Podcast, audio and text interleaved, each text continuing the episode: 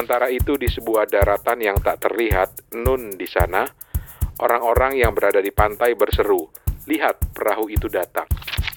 Gila, itu keren banget cara bercerita tentang doa. Seorang pekerja yang teledor tergelincir saat mengangkat batu itu. Orang-orang yang sibuk menolong si pekerja abai pada batu yang jatuh, menggelinding lalu terperosok di balik rimbun perdu. Menikmati dalam artian dengan kesehariannya dia jadi kepo kan, jadi kegaet gitu dengan hari-harinya dia tuh kayak gimana gitu. Dan ini dan bersambung gitu, ada udah dua ada dua jilid.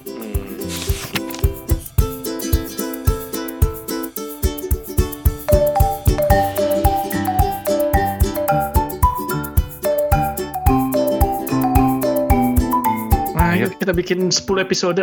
Ke- Anjir, tiga cukup. Kalau tapi karena ini buku gue berarti salah satu dari kalian lah yang harus nge-host lah. Lah. Steven deh. Nah, Ya ada ya. ayo, ayo. Oke, silakan udah gue rekam. Kembali lagi ke Kepo Buku teman-teman. Kita kali ini kedatangan Kakak Rane nih. Kita mau mau dengar cerita dari Kakak Rane nih. Mas Toto gimana? Halo kabarnya? Gimana kabarnya?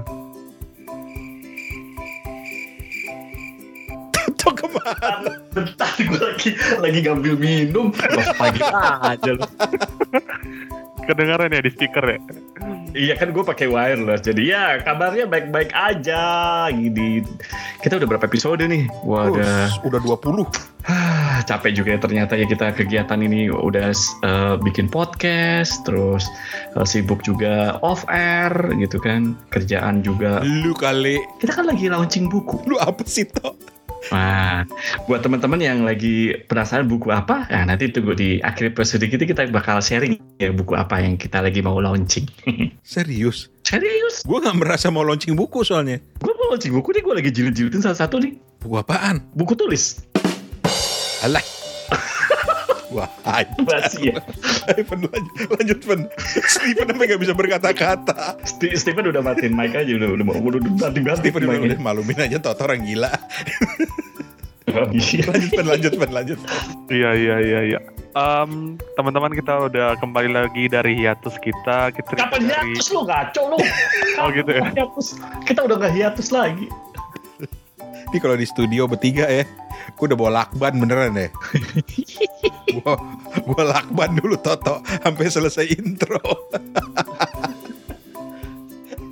lanjut Pen, lanjut Pen. Iya iya iya.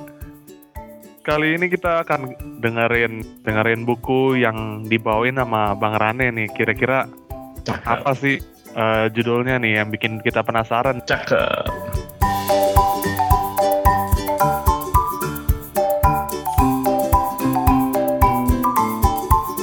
Oke, eh, Dibaca belum? ah kenapa Tok?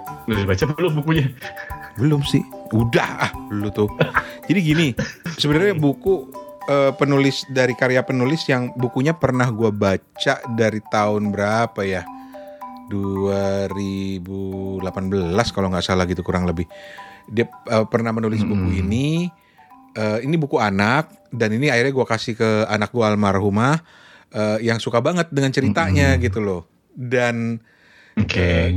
gua waktu itu ya memang sekedar membaca aja oh bagus ya bukunya gitu loh tapi kemudian ada eh, talk atau ada kayak webinar gitu yang membahas karya-karya si penulis ini Oke. dari situ gua tahu ternyata beliau punya karya-karya lain dan ini sebenarnya untuk mengenang beliau karena beliau ini adalah salah satu penulis yang Hmm. eh, diambil oleh eh, COVID-19 gitu karena beliau meninggal 25 April 2021 gitu loh. Namanya adalah Mm-mm. Wikan Satriati.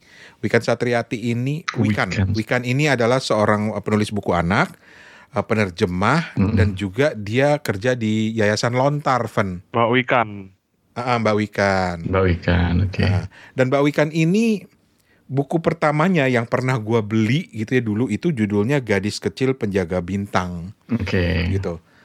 Nah, buku Gadis Kecil Penjaga Bintang ini eh, yang membuat anak gua almarhumah ke pincut dan gua- gila gila ini keren banget buku ini karena eh, ada beberapa faktor. Yang pertama, lu lu tahu nggak sih kalau buku-buku anak itu kayak gimana? Itu kan rata-rata kan eh, buku yang ditulis dengan uh, asumsi yang akan yang baca adalah anak-anak nantinya sehingga uh, kalimatnya itu harus pendek-pendek, kalimatnya itu harus to the point gitu loh. Sementara Mbak Wikan ini buku anak tapi nyastra banget gitu loh. Kalimatnya tuh indah-indah gitu loh. Oke. Dan dia menggunakan pengandaian-pengandaian ini juga nggak kalah indahnya. Jadi gue bilang, wah, kok baru tahu. Akhirnya gue beli dong semua bukunya ada tiga. Satu itu gadis kecil penjaga bintang. Ini tujuh kisah tentang doa. Terus uh, uh, melangkah dengan Bismillah. Uh, terus juga Ahmad dan domba kecilnya gitu loh. Mm-mm. Nah, yang menarik adalah karena bahkan uh, gue akhirnya ngobrol dengan beberapa teman yang suka buku, beberapa di antaranya yang non Muslim juga sebenarnya gitu suka gitu loh, karena Mhm. kata-katanya, pilihan kata-katanya yang menarik. Misalnya nih ya, eh, gadis kecil dan penjaga bintang. Gadis kecil dan penjaga bintang ini kan eh, intinya sebenarnya eh, ada kisah-kisah yang bercerita tentang doa gitu Mm-mm. tentang doa. Nah, gue mau bacain satu kisah, yang lain nanti silahkan. Oh ya, by the way, pantau Instagram kita karena tiga bukunya Mbak Wikan ini gue mau bagi-bagi loh, karena gue udah beli dua eksemplar. Wah. Jadi yang mau silahkan nanti, tapi nanti lihatnya di Instagram karena podcast ini nanti kan didengar beberapa tahun ke depan, nanti kan malah bingung orang. Nih, ini ini ini salah satu artikel yang paling gue suka dari eh, bukan artikel dari tulisan yang Mbak Wikan di buku eh, Gadis Kecil Penjaga Bintang ya. Nih, judulnya adalah Perjalanan Doa. Dan ini ya, jadi dia tuh tulisannya pendek-pendek, tapi indah cara menjalin kalimatnya gitu loh. Ini Perjalanan Doa judulnya. Ini kata-katanya begini ya, gue bacain ya. Alil berkata pada ayahnya, Ayah, ceritakan padaku tentang doa. Ayah menggandeng tangan Alil, mengajaknya ke tepi pantai. Saat itu, sebuah perahu sedang melaju membelah ombak menuju arah matahari terbit. Layarnya nampak menggelembung menampung angin pagi. Buih-buih air laut di bawah buritan seperti sedang berkejaran. Itu kan kalimat yang yang orang akan mikir jelimet banget sih buat anak-anak gitu loh.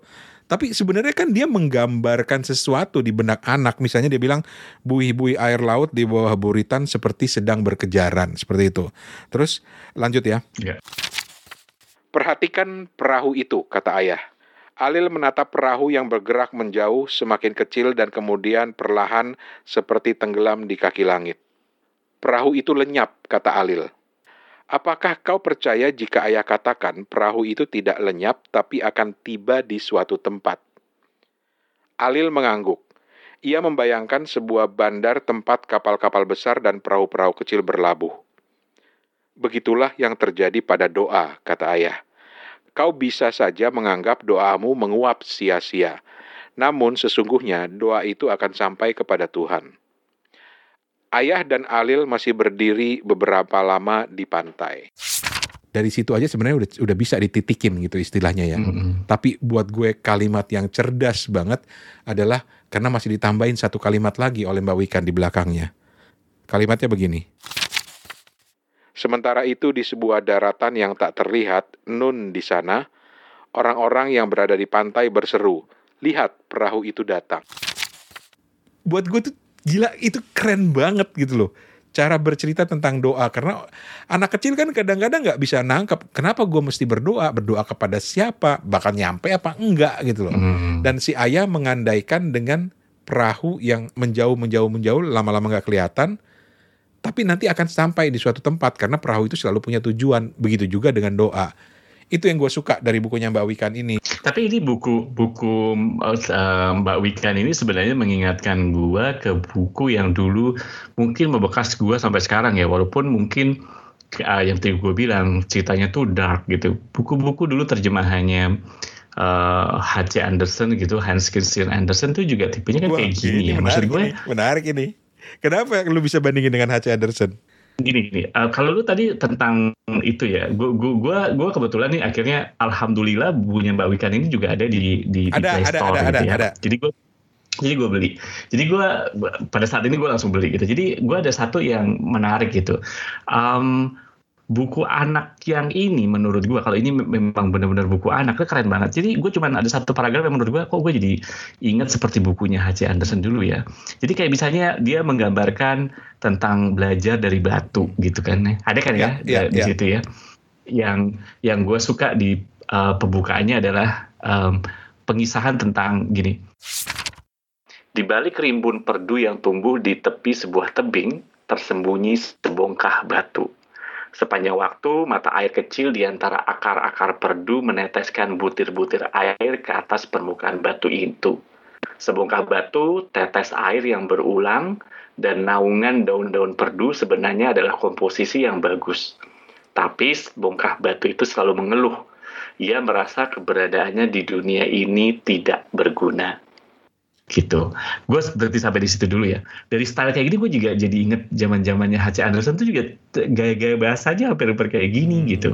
Um, terus ke paragraf selanjutnya kayak misalnya seorang pekerja yang teledor tergelincir saat mengangkat batu itu. Orang-orang yang sibuk menolong si pekerja abai pada batu yang jatuh, menggelinding lalu terperosok di balik rimbun perdu. Terus kemudian like, ada paragraf berikutnya tahun-tahun berlalu, dunia pun berubah. Ini kan kayak ya kisah-kisah. Menurut gue gini, eh, kalimat-kalimat ini ya mungkin uh, buat gue ya teman-teman ya uh, Rani sama um, uh, Stephen nggak uh, perlu karena ini bukan anak-anak ya nggak perlu menggunakan kata-kata yang susah gitu kan ya benar gak sih Rani? Ya.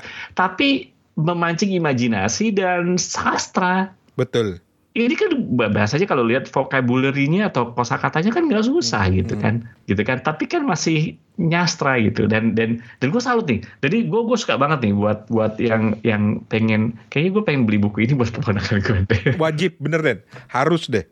Karena hmm. gue itu dulu ngumpulin banyak buku uh, karena gue pengen anak gue juga hmm. punya hobi yang sama dengan gue gitu kan dan gue selalu menemukan dongeng-dongeng yang itu-itu lagi, yang model-model begitu lagi, sampai kemudian gue bertemu dengan uh, buku Gadis Kecil Penjaga Bintang yang Mbak Wikan. Gue langsung bilang, gila lu gue aja yang orang gede menikmatin ini baca ini gitu. Ini keren sih, ini keren sih, keren banget ini. Keren, keren banget. Iya, yeah, keren banget. Dan itu bisa memicu diskusi dengan anak-anak karena penggunaan bahasanya gitu. Betul. Buat gua nggak ada salahnya loh anak-anak kita itu mulai dari sekarang dikenalin dengan keindahan bahasa. Betul. Bukan betul. hanya bukan hanya sekedar uh, logika bahasa tapi juga keindahan bahasa itu yang yang harus dikenalin. Mm-hmm. Makanya gue bilang iya deh gue beli dua buku dua eksemplar, gue mau bagi satu eksemplar gitu loh. keren, keren sih keren. Ada kata-kata yang bagus banget ya. Gue gue tuh suka banget uh, ini supaya buat teman-teman penasaran aja ya. Nih ada kata-kata gini. Hmm. Gadis kecil itu tidur di ranjang yang bertabur ribuan bintang, kata bunda lagi. Mata Aileen membulat. Kenapa? Setiap kali gadis kecil itu berdoa bagi orang tuanya sebelum tidur, doa itu berubah menjadi bintang. Itu keren banget. Karena kan kita kan kalau ngajarin anak-anak kecil ber, berdoa, kita anak-anak kadang-kadang akan nanya kan, ini doa buat apa sih? Mm. Nyampe nya ke mana sih?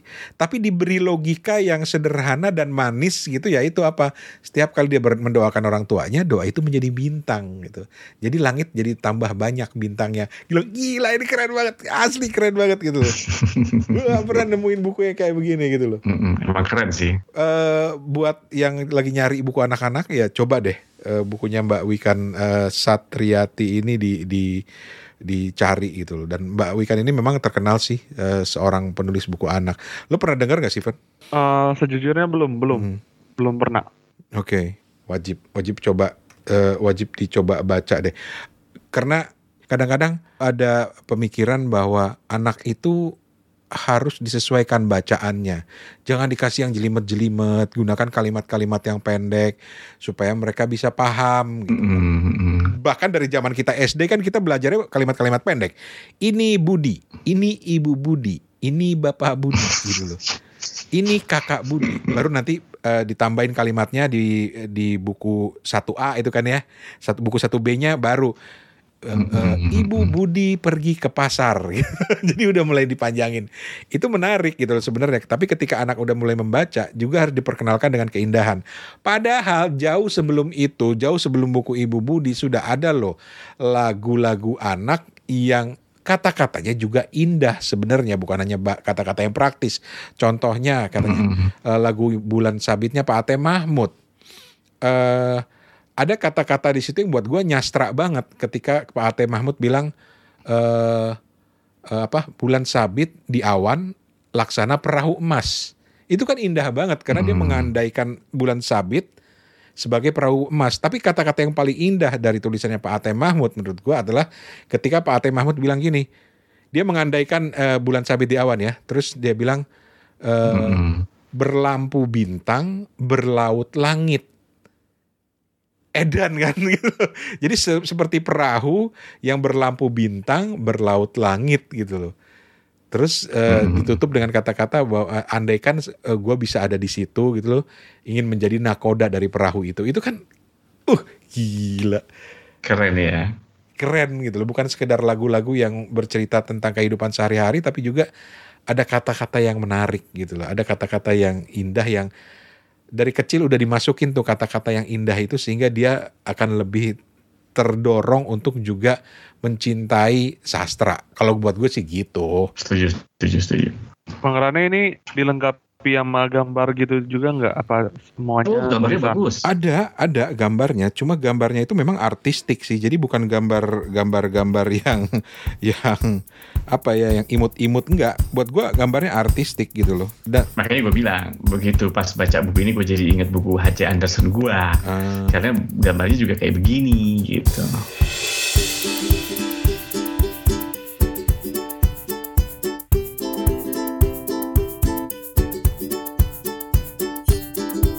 Alright. Dan ngomong-ngomong soal buku anak, eh lu lu kenapa sih suka H. Anderson? Atau- Lu emang dari dulu dijejerin H. Anderson deh kayaknya deh. Enggak, karena karena dulu kan dulu tahu sendiri ya, salah satu favorit gue kan lima sekawan dan lima sekawan itu kan lebih ke cerita detektif Hmm. gitu kan. Um, dan H.C. Anderson itu menurut gua ketika gua kecil, lu tuh makanya benar ya ada yang bilang um, karya sastra yang bagus itu nggak sekedar hi- menghibur atau bahkan bahkan tidak tidak ah, gimana ya gue jadi salah nanti kalau ngomong kayak gitu tapi um, nggak cuman menghibur mungkin ya atau nggak menja- tapi membuat lu berpikir gitu Hmm. H.C. Anderson tuh membuat gue berpikir gitu seakan-akan lu tuh bahkan di, di, di ketika gue waktu SD kayak gitu baca Anderson tuh nyesek loh Nyesek. Kenapa? karena ceritanya kan dark Em, lu cerita tentang prajurit berkaki satu Hmm. yang dia juga jatuh cinta sama pebalet. Ya, ya, ya, dan ya. dan itu dia mainan kan? Dia kayak gitu. Terus kalau nggak salah H.C. Anderson juga ada cerita tentang em, anak kecil ya anak kecil penjual korek api. Yang yang akhirnya mati karena men- menghangatkan. dia mati karena kedinginan gitu kan? Gitu kan? Dan dia dia karena dia eh, pengen anget dia dia apa namanya eh, menyalakan korek apinya satu begitu. Itu dia lihat kalau nggak salah dia lihat ibunya atau siapa. Dan akhirnya dia menyalakan lagi menyalakan lagi. Tapi akhirnya meninggal karena kan sebenarnya kalau makanya gue bilang itu dark story H.C. Anderson. Tapi membuat lu berpikir gitu. Dan lu cerita anak kayak gitu nggak tahu zaman sekarang bisa nggak lu bikin cerita anak kayak gitu yang membuat anak tuh iya ya hidup ini harusnya membuat lu lebih wise gitu. Menurut gua makanya gue kena banget gitu dengan cerita-cerita seperti itu gitu yang buat lo berpikir iya ya hidup ini memang gimana ya kadang-kadang susah gitu tapi jangan cengeng gitu aja gitu Asik. menurut gue menurut gua, gitu kalau menurut gue Asik. gitu Keren keren keren. Semakin, se- jadi semakin tahu latar belakangnya Toto. Ada filsafat, H.C. Anderson gitu.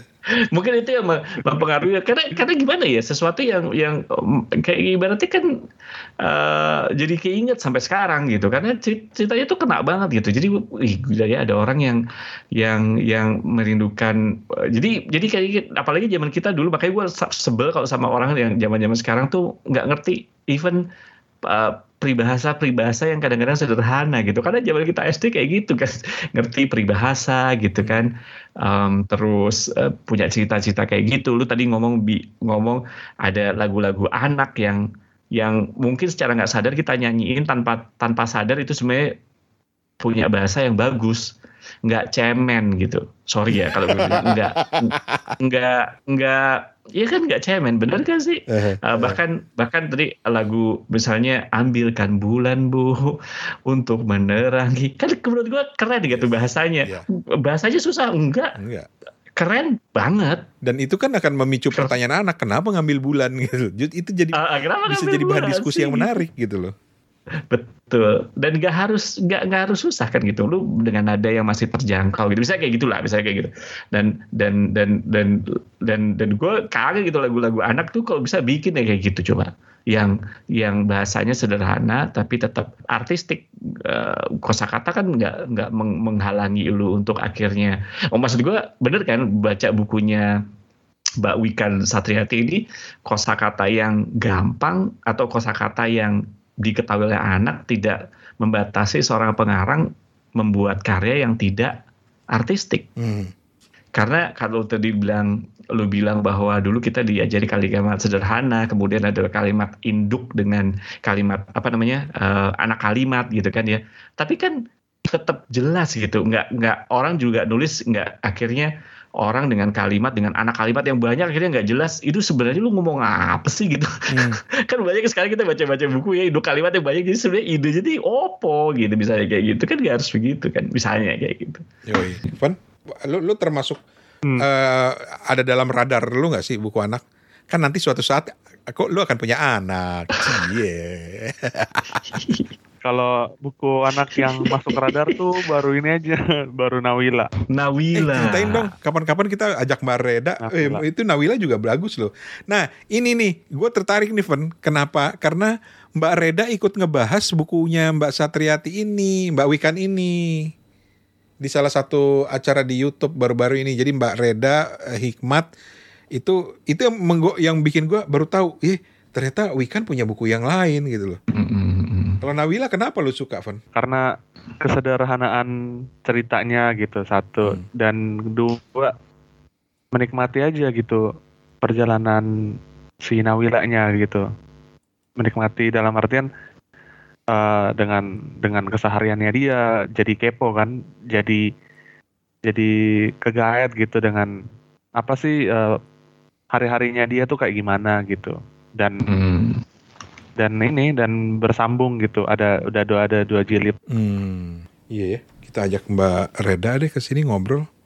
Seru tuh. Nawila itu salah satu contoh buku anak yang juga uh, menarik dan ditulis dengan apa adanya, tidak tidak tidak terlalu dilebih-lebihkan dan Nawila itu sosok anak yang yang apa adanya aja kan, Fen? Ah, benar, benar, benar. Tapi sedikit saran ya kepada teman-teman kalau mau beli bukunya Mbak Wikan Satriati ini. Banyak di antara uh, kita entah punya ponakan atau punya anak gitu ya kita beliin buku terus kita kasih terus udah suruh hmm. baca. Mm.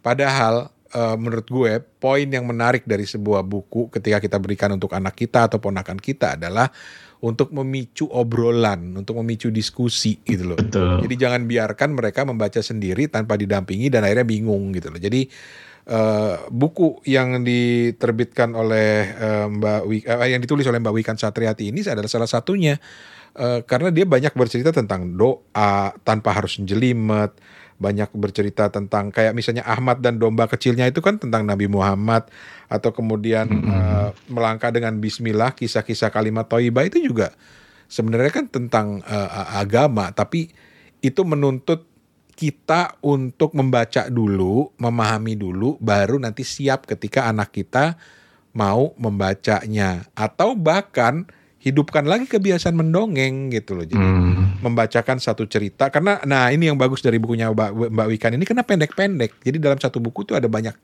uh, uh, tulisan, ada banyak artikel, bacain satu terus biarkan anak itu uh, bertanya gitu hmm. dan akhirnya itu jadi bahan diskusi yang menarik. Seperti waktu gue pertama kali beliin buku anak gue uh, dengan uh, gadis kecil penjaga bintang itu gitu dan akhirnya menemukan dua buku lagi.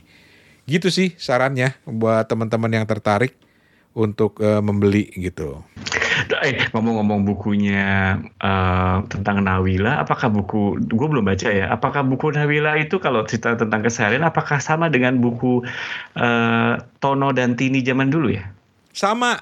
Iya. Ya? Sama. Tono dan Tini itu kan sebenarnya terjemahan dari apa sih uh, Belanda ya? Eh apa sih? Uh, kalau gue lihat tahun tadi apa? Jeep and Janneke ya? Ah Jeep and Janneke dulu tuh gue punya nih buku Tono dan Tini ah coba tak gue bongkar kali masih ada. Penerbitnya Jambatan. Waduh penerbit Jambatan masih ada nggak sih Van sampai sekarang? Udah nggak ada ya?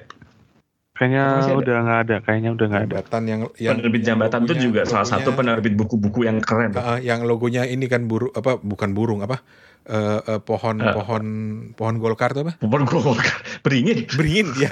Gue bilang pohon golkar, maaf, besar dengan golkar. Itu salah satu penerbit buku yang keren menurut gua tuh. Tapi nggak heran sih kalau memang ada kemiripan stylenya karena Mbak Reda itu kan juga pasti besar dengan buku itu. Iya, buku Tono dan Tini itu ceritanya kan sederhana gitu kan, cuma dari satu eh, terus habis terus satu apa tentang ada yang tentang cukur-cukuran kalau nggak salah, terus apa ya, oh macam-macam deh, pokoknya gue lupa juga sih. Gitu loh. Ya sama dengan puisi-puisi yang kadang-kadang kita bilang oh belum waktunya nih anak-anak baca puisi atau mengenal puisi. Eh ada satu puisinya Pak Sapardi Djoko Damono yang juga kata-katanya menarik. Eh, paling tidak gue punya temen yang anaknya suka sekali dengan puisi itu. Anak gue juga suka puisi itu. Judulnya Gadis Kecil. Hmm. Nih, nih, nih, nih, nih, nih gue suka banget dan itu bisa memicu diskusi dengan anak. Jadi eh, gadis kecil itu ada kata-kata gini, ada gadis kecil diseberangkan gerimis. Itu aja kan udah, huh, maksudnya apa diseberangkan gerimis gitu kan? Hmm. Terus eh, eh, di tangan kanannya bergoyang payung, tangan kirinya mengibaskan tangis. Hmm. Gila itu kan coba lo. Katakan Pak Sapardi itu kan tipe-tipe orang yang yang yang menulis puisi itu sangat sangat apa ya, sangat visual. Lo bayangin ketika gue misalnya gue ulang ya puisinya. Ada gadis kecil diseberangkan gerimis. Hmm. Kan kita bisa membayangkan oh dia diseberangkan gerimis ini maksudnya dia mungkin menyeberang jalan Hmm. di tengah gerimis bisa juga kan. Tapi kan bisa bermakna lain bagi orang lain kan. Eh, eh, di tangan kanannya bergoyang payung, tangan kirinya eh, mengibaskan tangis Hmm. kita bisa bisa membayangkan ini anak ini mungkin lagi sedih gitu kan. Tapi ditutup dengan kata-kata eh, di pinggir jalan ada pohon dan seekor burung. Visual lagi kan Hmm. gitu. Hmm. Gue suka banget puisi-puisi itu dan sama dengan gaya-gaya begini gitu loh. Ketika lo bisa mengajak anak-anak lo untuk suka seni, insya Allah anak itu hatinya akan lebih apa ya, lebih kaya gitu loh. So tahu ya gue. Betul betul. tapi tapi bagaimana supaya anak itu lebih mencintai sastra gitu loh. Hmm, hmm. Oke, baiklah. Bentar-bentar Bang Rane, Oh, bentar. Ini ada uh, aku kutip dari idwriters.com ya. Hmm. Um, kalau buku ini tuh uh, gadis kecil penjaga bintang di rankingkan satu dari tujuh buku anak terbaik tuh dari Goodreads Indonesia. Wow.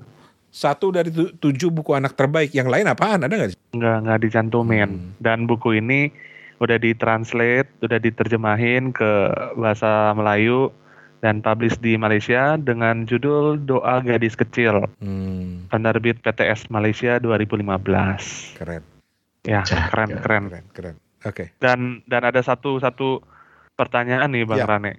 Ini kan kayak singkat gitu ya. Ini bisa nggak sih kita explore ataupun nanti siapa yang akan megang hak ciptanya gitu ya dieksplor jadi audiobook misalnya ataupun jadi jadi podcast gitu. Soalnya aku barusan nemu nih podcast Hmm. Selamat Bobo Sayang dari Ibu Nana Beawi Harta. Jadi podcast ini saya dedikasikan untuk anak-anak dalam bentuk cerita sebelum tidur Hmm. yang mempunyai moral Hmm. story terkait budi pekerti. Hmm. Semoga bermanfaat untuk anak-anak Indonesia tersayang. Ada ya podcastnya ya? Iya, Keren tuh. Hmm, karena ini kebetulan sih eh, mungkin waktu podcast ini apa apa episode ini mengudara mungkin udah lewat sih ceritanya tapi eh, gue itu lagi bikin sama teman-teman workshop eh, eh, eh, mengajar untuk anak-anak SD Ah. dan eh, salah satu pembicaranya itu adalah Kak Seto gitu ya. Terus ada Mas Bukik dari Yayasan Guru Belajar. Dan yang menarik dari situ Mhm. diceritakan eh, ketika lu ngajar dengan eh, apa ya? Ketika lu ngajar oke gini. Ternyata anak itu punya cara belajar yang berbeda-beda. Ada yang visual. Oke. Jadi dia belajar dengan melihat. Ada yang kinestetik, dia belajar dengan menyentuh. Tapi ada yang eh, auditory, dia belajar dengan mendengar Hmm, hmm, dan bicara. hmm, Salah satu contohnya adalah, hmm. gua nggak tahu nih, ada nggak sih eh, kita bertiga ini yang punya kebiasaan kalau membaca itu mulutnya bergerak? Ah, gua gua. Lu gua. tuh ya? Gua sa- sambil nyemil kan maksudnya. Ya. Dasar lo. Nggak kan kan ada tuh orang eh, misalnya gue baca bukunya Mbak Wikan sekarang gitu ya. Dia bilang Si bocah diam saja. Ia tidak mengerti buku. Gitu loh. Seolah-olah dia sedang membacakan buat dirinya sendiri. Nah itu ternyata tipe auditori gitu loh. Hmm. Tipe anak yang auditori. Dan nyambung ke ceritanya Steven tadi soal podcast misalnya tentang buku atau e-book. Apa audiobook. Ya itu cocok buat anak-anak yang tipenya auditori. Yang terbiasa menangkap Hmm. pesan secara audio dan juga dia lebih lebih suka bicara, lebih suka cerita sampai-sampai membaca buku pun dia seperti berbisik gitu loh. Si bocah dan kakek berjanggut masih mendengarkan dan ibu-ibu nah sampai besar ada orang yang seperti itu loh bacanya loh. Ada orang yang seperti itu bukan bukan menggerakkan mulut untuk nyemil kayak Toto tapi baca gitu. Nah, itu menarik gitu loh kalau kata Stephen tadi kalau misalnya ada buku-buku audio seperti Mbak Wikan ini asal dibacanya dengan benar, asal dibacanya bukan seperti membaca Hmm. lempeng tapi ini karya sastra jadi harus dibaca seperti sebuah karya sastra walaupun tentu ya kalau ada yang mau bikin podcast seperti itu jangan lupa kalau kita mengaudiobookkan buku orang itu berarti kita menggunakan atau memanfaatkan hak cipta orang gitu loh. Jadi tentu harus ada prosedurnya lah. Betul. Jangan betul. main bikin podcast bacain buku orang Hmm. Dan merasa bahwa ini buku bagus, orang anak-anak harus dengar. Gue mau bacain buat anak-anak yang eh, belajar dengan gaya auditori. Tapi lu lupa itu karya orang yang ditulisnya bedare-dare, begadang-begadang, cuy. Betul, betul, betul, betul. Jangan main ngasal aja gitu ya. Jangan main bacain aja. gitu, Van. Oke oke. Berarti nggak menutup kemungkinan ya tapi ya untuk dibikin gitu. Sangat tidak, sangat tidak menutup kemungkinan. Bikin dong. Stephen Stephen ini ini ada bohlam nyala di Hmm. kepalanya. Ting. Apa sih? Teman-teman punya eh, buku anak lainnya? Pengen diskusi bareng sama Bang Rane, Mas Toto mungkin? Kita undang ke sini mau? Silakan hubungi Instagram Kepo Buku. Oke Bang Rane? Yo, pastinya. Betul, betul, betul. Kita pada dasarnya buku apa aja kalau tidak Apa mau ngajak bang, gua mau uh, diskusi tentang ini. Ayo aja. Ayo aja kita mah. Gitu. Kalau perlu ntar kita ke Singapura lah diskusinya. Kita lagi membangun satu studio ya, Yo. Ah, itu serius beneran lagi. studio foto. Eh, eh toh. Eh potong sebentar sebelum Steven tutup. Buku Wardah tuh waktu itu diulas di majalah mana gitu loh. Eh di online. Dia nggak tahu majalah mana Enggak, enggak, ada, ada, ada, gua. gue pernah baca di Kompas kalau apa ya. Cerita soal Wardah Bookstore. Iya, iya, iya. Kapan-kapan bisa juga jadi bahan cerita. Boleh, boleh, boleh. Ya udah. Silakan Pak Steven. Oke. Terima kasih kesempatan untuk kita dengerin ceritanya Kak Rane hari ini. Kak Rade. Kak Rade. Kayak Rade maksudnya. Eh, eh, semoga eh, bukunya bisa menjadi sesuatu yang bermanfaat untuk teman-teman semua. Dan episode kali ini kita tutup ya teman-teman. Eh, kami dedikasikan buat Emput, Putri Nabila Gani, dan juga Wikan Satriati. Eh, sampai berjumpa di lain kesempatan teman-teman. Salam hangat dari kami semua. Dadah. Ah, Dadah. kayak Rane.